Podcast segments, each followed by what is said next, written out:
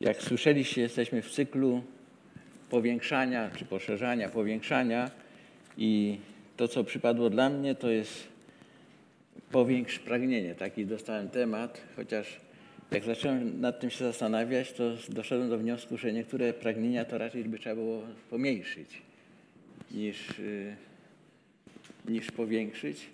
I może kilka słów, zanim dojdziemy, zanim rozpoczniemy. Pożądanie i tęsknota. Bym powiedział tak, ogólnie to jest prosić Boga o utrzymanie naszych pragnień, żeby w Jego granicach.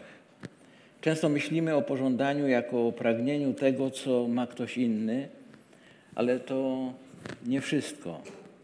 Wiąże się to również z brakiem zadowolenia z własnej sytuacji i nieprzyjemnym stosunkiem do tych, którym zazdrościmy.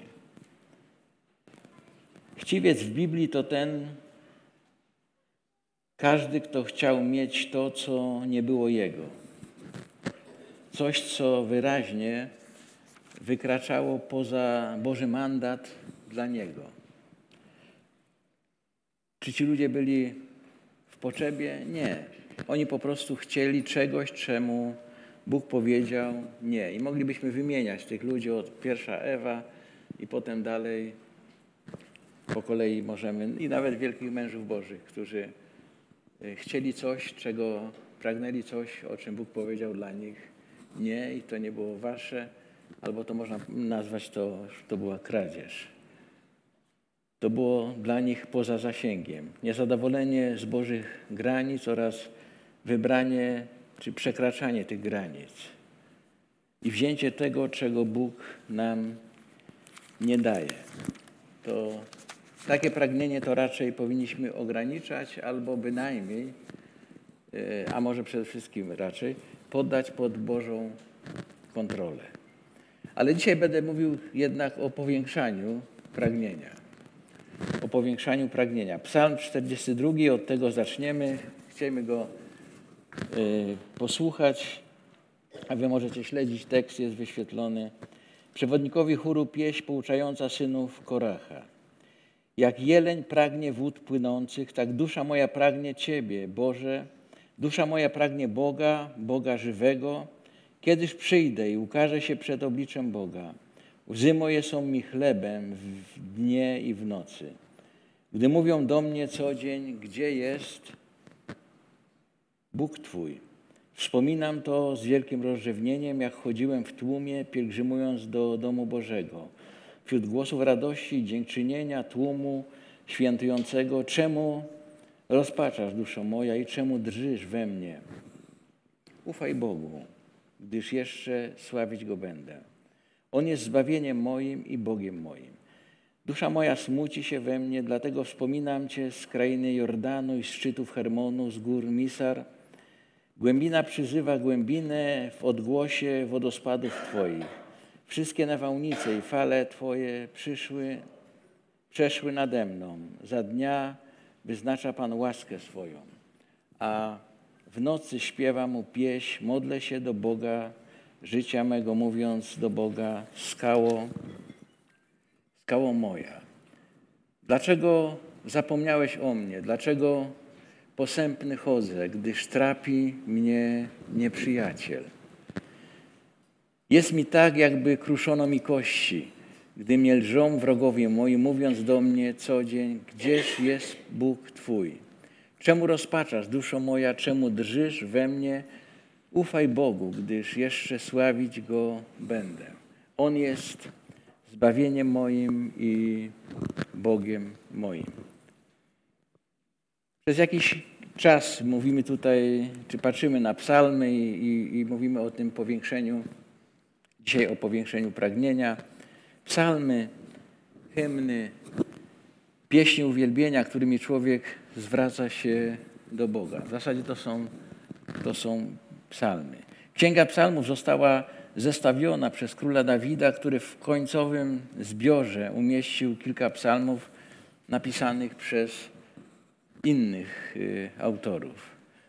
Psalmy to wersety, hymny, pieśni, uwielbienia, to wylewy serca, refleksje, którymi król Dawid zwraca się do Stwórcy i inni psalmiści, którzy te psalmy pisali.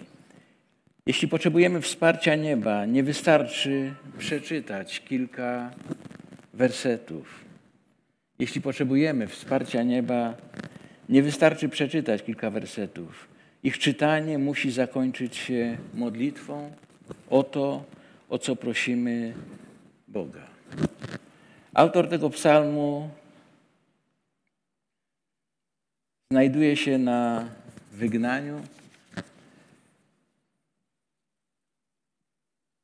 i przeżywa bardzo trudne chwile, ponieważ Bóg odsunął się od niego, odsunął od niego swoją pokrzepiającą łaskę.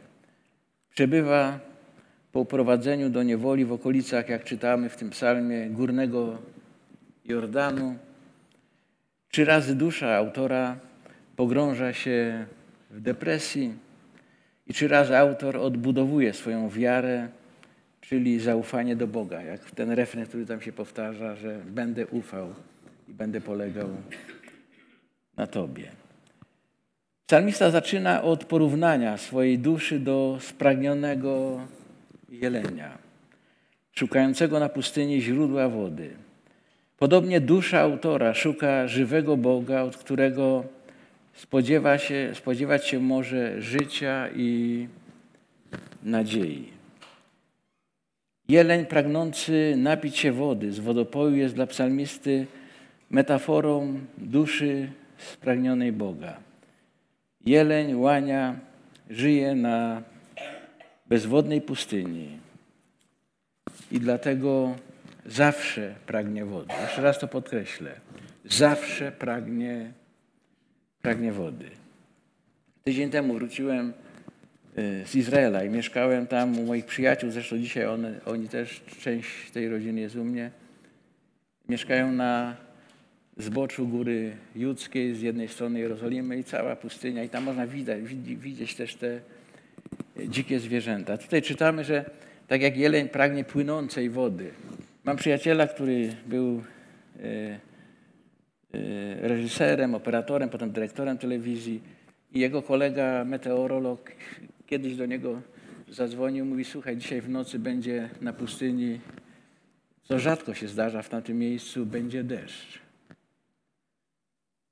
Raczej tam, jak, jak będzie deszcz, tam mogą przewidzieć, kiedy deszcz będzie. U nas, jest, u nas zawsze może być deszcz i zawsze może deszczu nie być. Tam raczej są okresy, ale wtedy i on w nocy poszedł wcześniej, przed tym, kiedy ten deszcz miał być, rozstawił kamery tam, gdzie e, i widział, jak zwierzęta, różne zwierzęta, które nie wiem, czy ten meteorolog też tym zwierzętom powiedział, że będzie deszcz, e, e, szły w kierunku okresowej rzeki. Rzeki, która normalnie ona jest pusta, ale jak pada deszcz, to tamtędy płynie woda. I stały na brzegu y, tej rzeki i czekały. I on to, to wszystko nagrywał, tak jakby czekały, wiedziały, że coś się będzie i kilka godzin potem była rwąca, rwąca rzeka. Ale jak już powiedziałem, jelenie, które, o których tutaj mowa jest, które żyją na pustyni, y, gdzie nie ma wody, one zawsze mają pragnienie. A kiedy jeleń jest podekscytowany, jeszcze bardziej szuka wody, żeby się ochłodzić. A niektórzy mówią, nawet jak jest zagrożony, jak go gonią dzikie jakieś psy albo wilki, to szuka strumieni czy szuka ruczajów, gdzie może się zanurzyć, gdzie może wskoczyć do wody. To jest jakby dla swojego ratunku. Jak jeleń pragnie wód płynących, jak jeleń pragnie wód płynących. Jak już powiedziałem, czyli to pragnienie u jelenia jest zawsze. Dzień po dniu to pragnienie jest. Jak jeleń pragnie wód płynących, tak dusza moja, mówi psalmista, pragnie Ciebie, Boże. Dusza moja pragnie Boga, Boga żywego, jak czytamy o tym w, tych, w tym psalmie. Pragnienie. Jakie ono jest? Pomyślmy o sobie chwilę. Co pragnę? Za czym tęsknię? Jak już mówiłem na początku, może muszę coś zmienić w tej kwestii, w tych pragnieniach. Może Bóg chce, abyśmy zmienili nasze pragnienie tak, jak On chce zmian pragnienia. Zmiana pragnienia to też zmiana osobowości. Ale jak zmienić swoje pragnienie, jak je utrwalić, jak je powiększyć? Na początek modlitwa, która dojdzie do Bożego oblicza.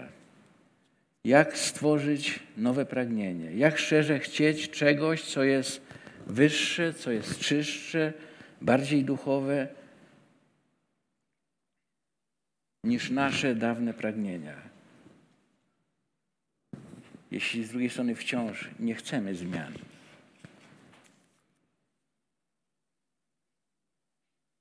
Jak możemy wznieść się ponad siebie, aby uzyskać nowe pragnienie? Skąd wziąć drabinę, aby wspiąć się wyżej?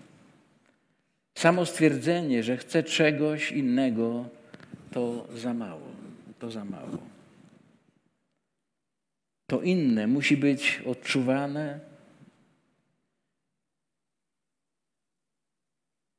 i poznane głębiej niż cokolwiek innego. Rozwiązanie jest takie. Twoim najgłębszym poziomem pragnienia jesteś Ty sam. Jak wiesz, nie można się zmienić. Nie możesz tego zrobić. Nie możesz. Sam nie możesz tego zrobić. Ale Bóg może. Bóg może. Zmiana i Podniesienie najgłębszej istoty człowieka jest Jego, Boga, bezcennym darem. Bóg może. Wpisanie, wspinanie się na szczyt wymaga osobistego wysiłku, ale dalsze wejście ponad szczyt to już dar, to Boży dar. Jest to możliwe tylko przy pomocy zewnątrz. To nowy poziom, nowy zakres, nowy zakres doznań, to najwyższy dar. W nim jest odpowiedź na modlitwę. Chociaż nie możemy stworzyć nowego pragnienia z własnej woli, jest jedna rzecz, której możemy głęboko, którą możemy głęboko odczuć, odczuć na, w naturalny sposób. Jest to pragnienie zmiany. Pragnienie zmiany. Nie można powiedzieć, że chcę osiągnąć ten czy inny poziom bezinteresownej służby. Ale możemy powiedzieć, Panie, szczerze chcę mieć wyższe pragnienie. Chcę poczuć prawdziwe, wzniosłe pragnienie. Chcę, aby takie pragnienie we mnie powstało. Musimy wylać to sercem w modlitwie. I o takich modlitwach czytamy też w Bożym Słowie. Prośmy Boga o duchowe wyniesienie. Ale jak zdobyć ten dar? Moi kochani, aby otrzymać przepływ boskiej energii i napełnić nią duszę, trzeba samemu stać się jej naczyniem. Przepływ jest zawsze obecny, pytanie tylko, gdzie są naczynia. Pragnienie Boga dawania jest maksymalne i stałe, ale czy spotykamy się z Nim w połowie drogi? Doskonałą ilustracją tej sytuacji jest opowieść o cudownym błogosławieństwie, które prorok Elizeusz udzielił pewnej kobiecie, o czym czytamy w Księdze Królewskiej. Była to wdowa, która zalegała miała długi, chciano jej zabrać synów, i, a była żoną też proroka, ale była wdową. I Elizeusz, kiedy podszedł do niej, pytał się, co masz? Ona mówiła, mam dzban oliwy. On mówi, wiesz co, napożyczaj naczyń, ile możesz. Przynieś i zamknij się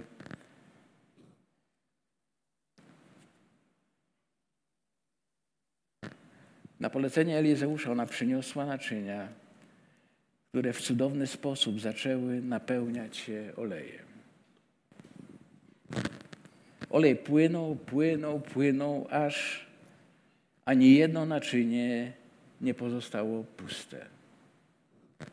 Krótko mówiąc, nie ma problemu z olejem. I chcę to podkreślić. Nie ma problemu z olejem. Ale nie zawsze jest wystarczająco dużo naczyń. Nie zawsze jest wystarczająco dużo, jeszcze bym dodał, czystych naczyń. Problemu z olejem nie ma. Ale jak zostać naczyniem? Jak zostać naczyniem? Kiedy człowiek całkowicie nie ogołowi, nie wyrzuci z duszy wszystko, co małostkowe, co próżne. Kiedy tego nie wyrzuci, i w tym psalmie o tym też czytamy, Bóg wypełnia powstałą pustkę. Naszym zadaniem nie jest pomaganie światłu świecić, a jedynie usuwanie wszystkich przeszkód z Jego drogi. To jest nasza odpowiedzialność, aby te wszystkie przeszkody wyrzucić ze swojego życia. Z punktu widzenia pragnienia, ten proces oczyszczania jest tak konieczny, aby oddać całą swoją rację, wszystko oddać Bogu. Uczyń swoją wolę Jego wolą. Pozbądź się swoich pragnień tak bardzo, że chcesz tego, czego On, Bóg chce. To wcale nie oznacza też z drugiej strony, że mamy być biernymi, pozbawionymi życia pionkami. Wręcz przeciwnie. Trzeba żarliwie pragnąć, ale tylko tego, czego Bóg chce. Poziom ten jest osiągany, dany jako nagroda za umiejętność powściągania własnych negatywnych impulsów i zainteresowań.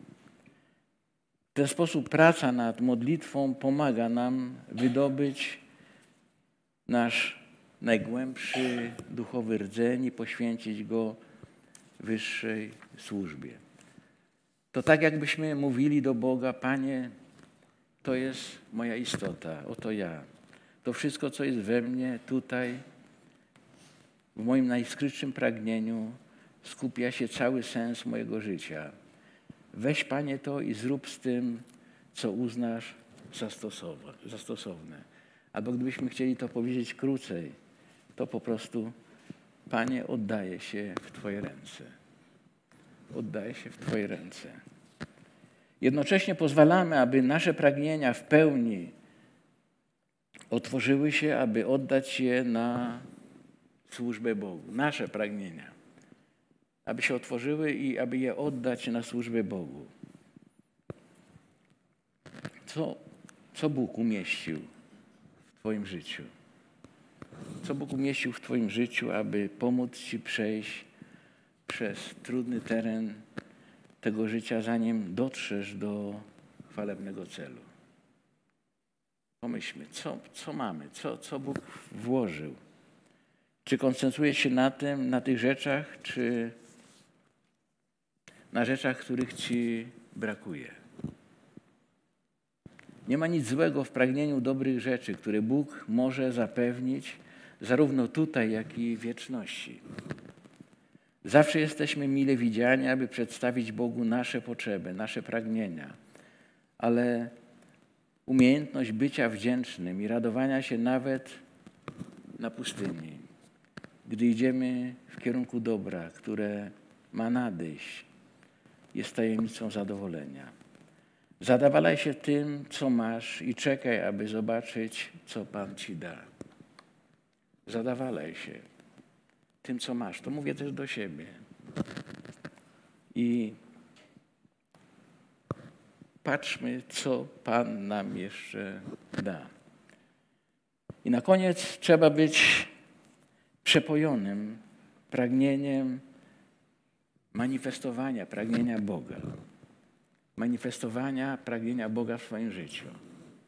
A więc musimy studiować, badać, czego Bóg pragnie. Jakie On ma pragnienia. Co jest w Jego sercu. Ja pamiętam, jak zaczynałem swoją służbę wśród narodu Bożego, wśród Żydów. To była moja modlitwa i powiedziałem, Boże, Ty wiesz, co jest w moim sercu. A ja chciałbym wiedzieć, co jest w Twoim. Ważne jest, aby wiedzieć, jakie Bóg ma marzenia. Co sprawia mu radość, co go smuci. I te pragnienia powinniśmy manifestować, te, jakie ma Bóg. Najlepszym przykładem nauczenia się tego jest Dawid, który dał przykład całkowitego poddania swojego ego wyższej woli. Największy ze śpiewaków Bożej chwały był oddany Bogu, bym powiedział, każdym włóknem swojej duszy. Dawid. Jeszcze raz, co zrobić z tym, co wiem? Co zrobić z tym, co wiem?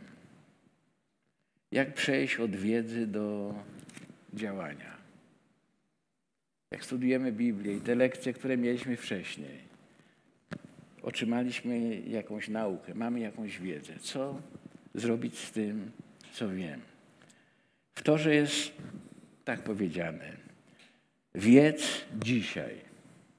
Wiedz dzisiaj i wszczep w swoje serce, że Najwyższy jest Bogiem. Z jednej strony jest wiedz, a z drugiej jest wszczep w swoje serce. To znaczy chodzi o to, żeby ta wiedza przeszła stąd do... Gdzie jest serce? Tu. Do, do serca. Trzeba wprowadzić suchą wiedzę do serca, przełożyć ją na sferę emocji, przełożyć ją na sferę uczuć. Jak to zrobić? Poprzez modlitwę, poprzez modlitwę i poprzez wypełnianie Bożego Słowa. Jeśli człowiek zaczyna żyć zgodnie z Bożym Słowem, zgodnie z przykazaniem, to działanie stopniowo rozumiane tylko przez umysł nabiera uczucia, które może go poprowadzić. To jest tak jak z przykazaniem.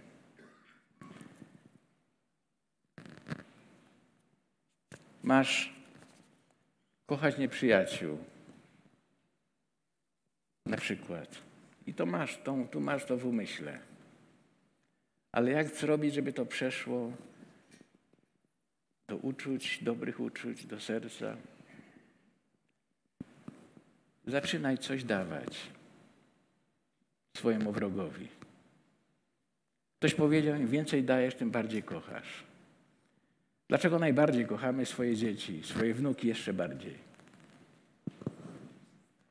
Bo dużo im dajemy. Dużo inwestujemy w nich. Nawet jeżeli są draniami, nawet jeżeli są chuliganami czy innymi rzeczami, wciąż je kochamy. Bo to, to nas kosztowało. Robimy coś, robimy coś i to przechodzi z umysłu do naszego serca. To nabiera uczucia, które potem może nas prowadzić. Wtedy wiedza wejdzie do serca. Wtedy wiedza wejdzie do serca. Tak było w przypadku Anny, matki Samuela. Pamiętacie tą starszą kobietę, która od wielu lat pragnęła mieć syna. Poświęciła się Bożej służbie. Od najmłodszych lat poświęciła Samuela, kiedy się urodził Bogu. Samuel to znaczy Szmuel, El, na końcu jest Bóg słyszy. Bóg słyszy. Jej pragnienie posiadania dziecka, jej pragnienie posiadania dziecka zostało wylane z jej sercem przed Bogiem i było poświęcone Bogu. Od niej możemy nauczyć się zasad modlitwy. Poświęciła Bogu całe swoje osobiste pragnienie zostania matką. Całe swoje osobiste pragnienie zostania matką poświęciła Bogu. I została matką.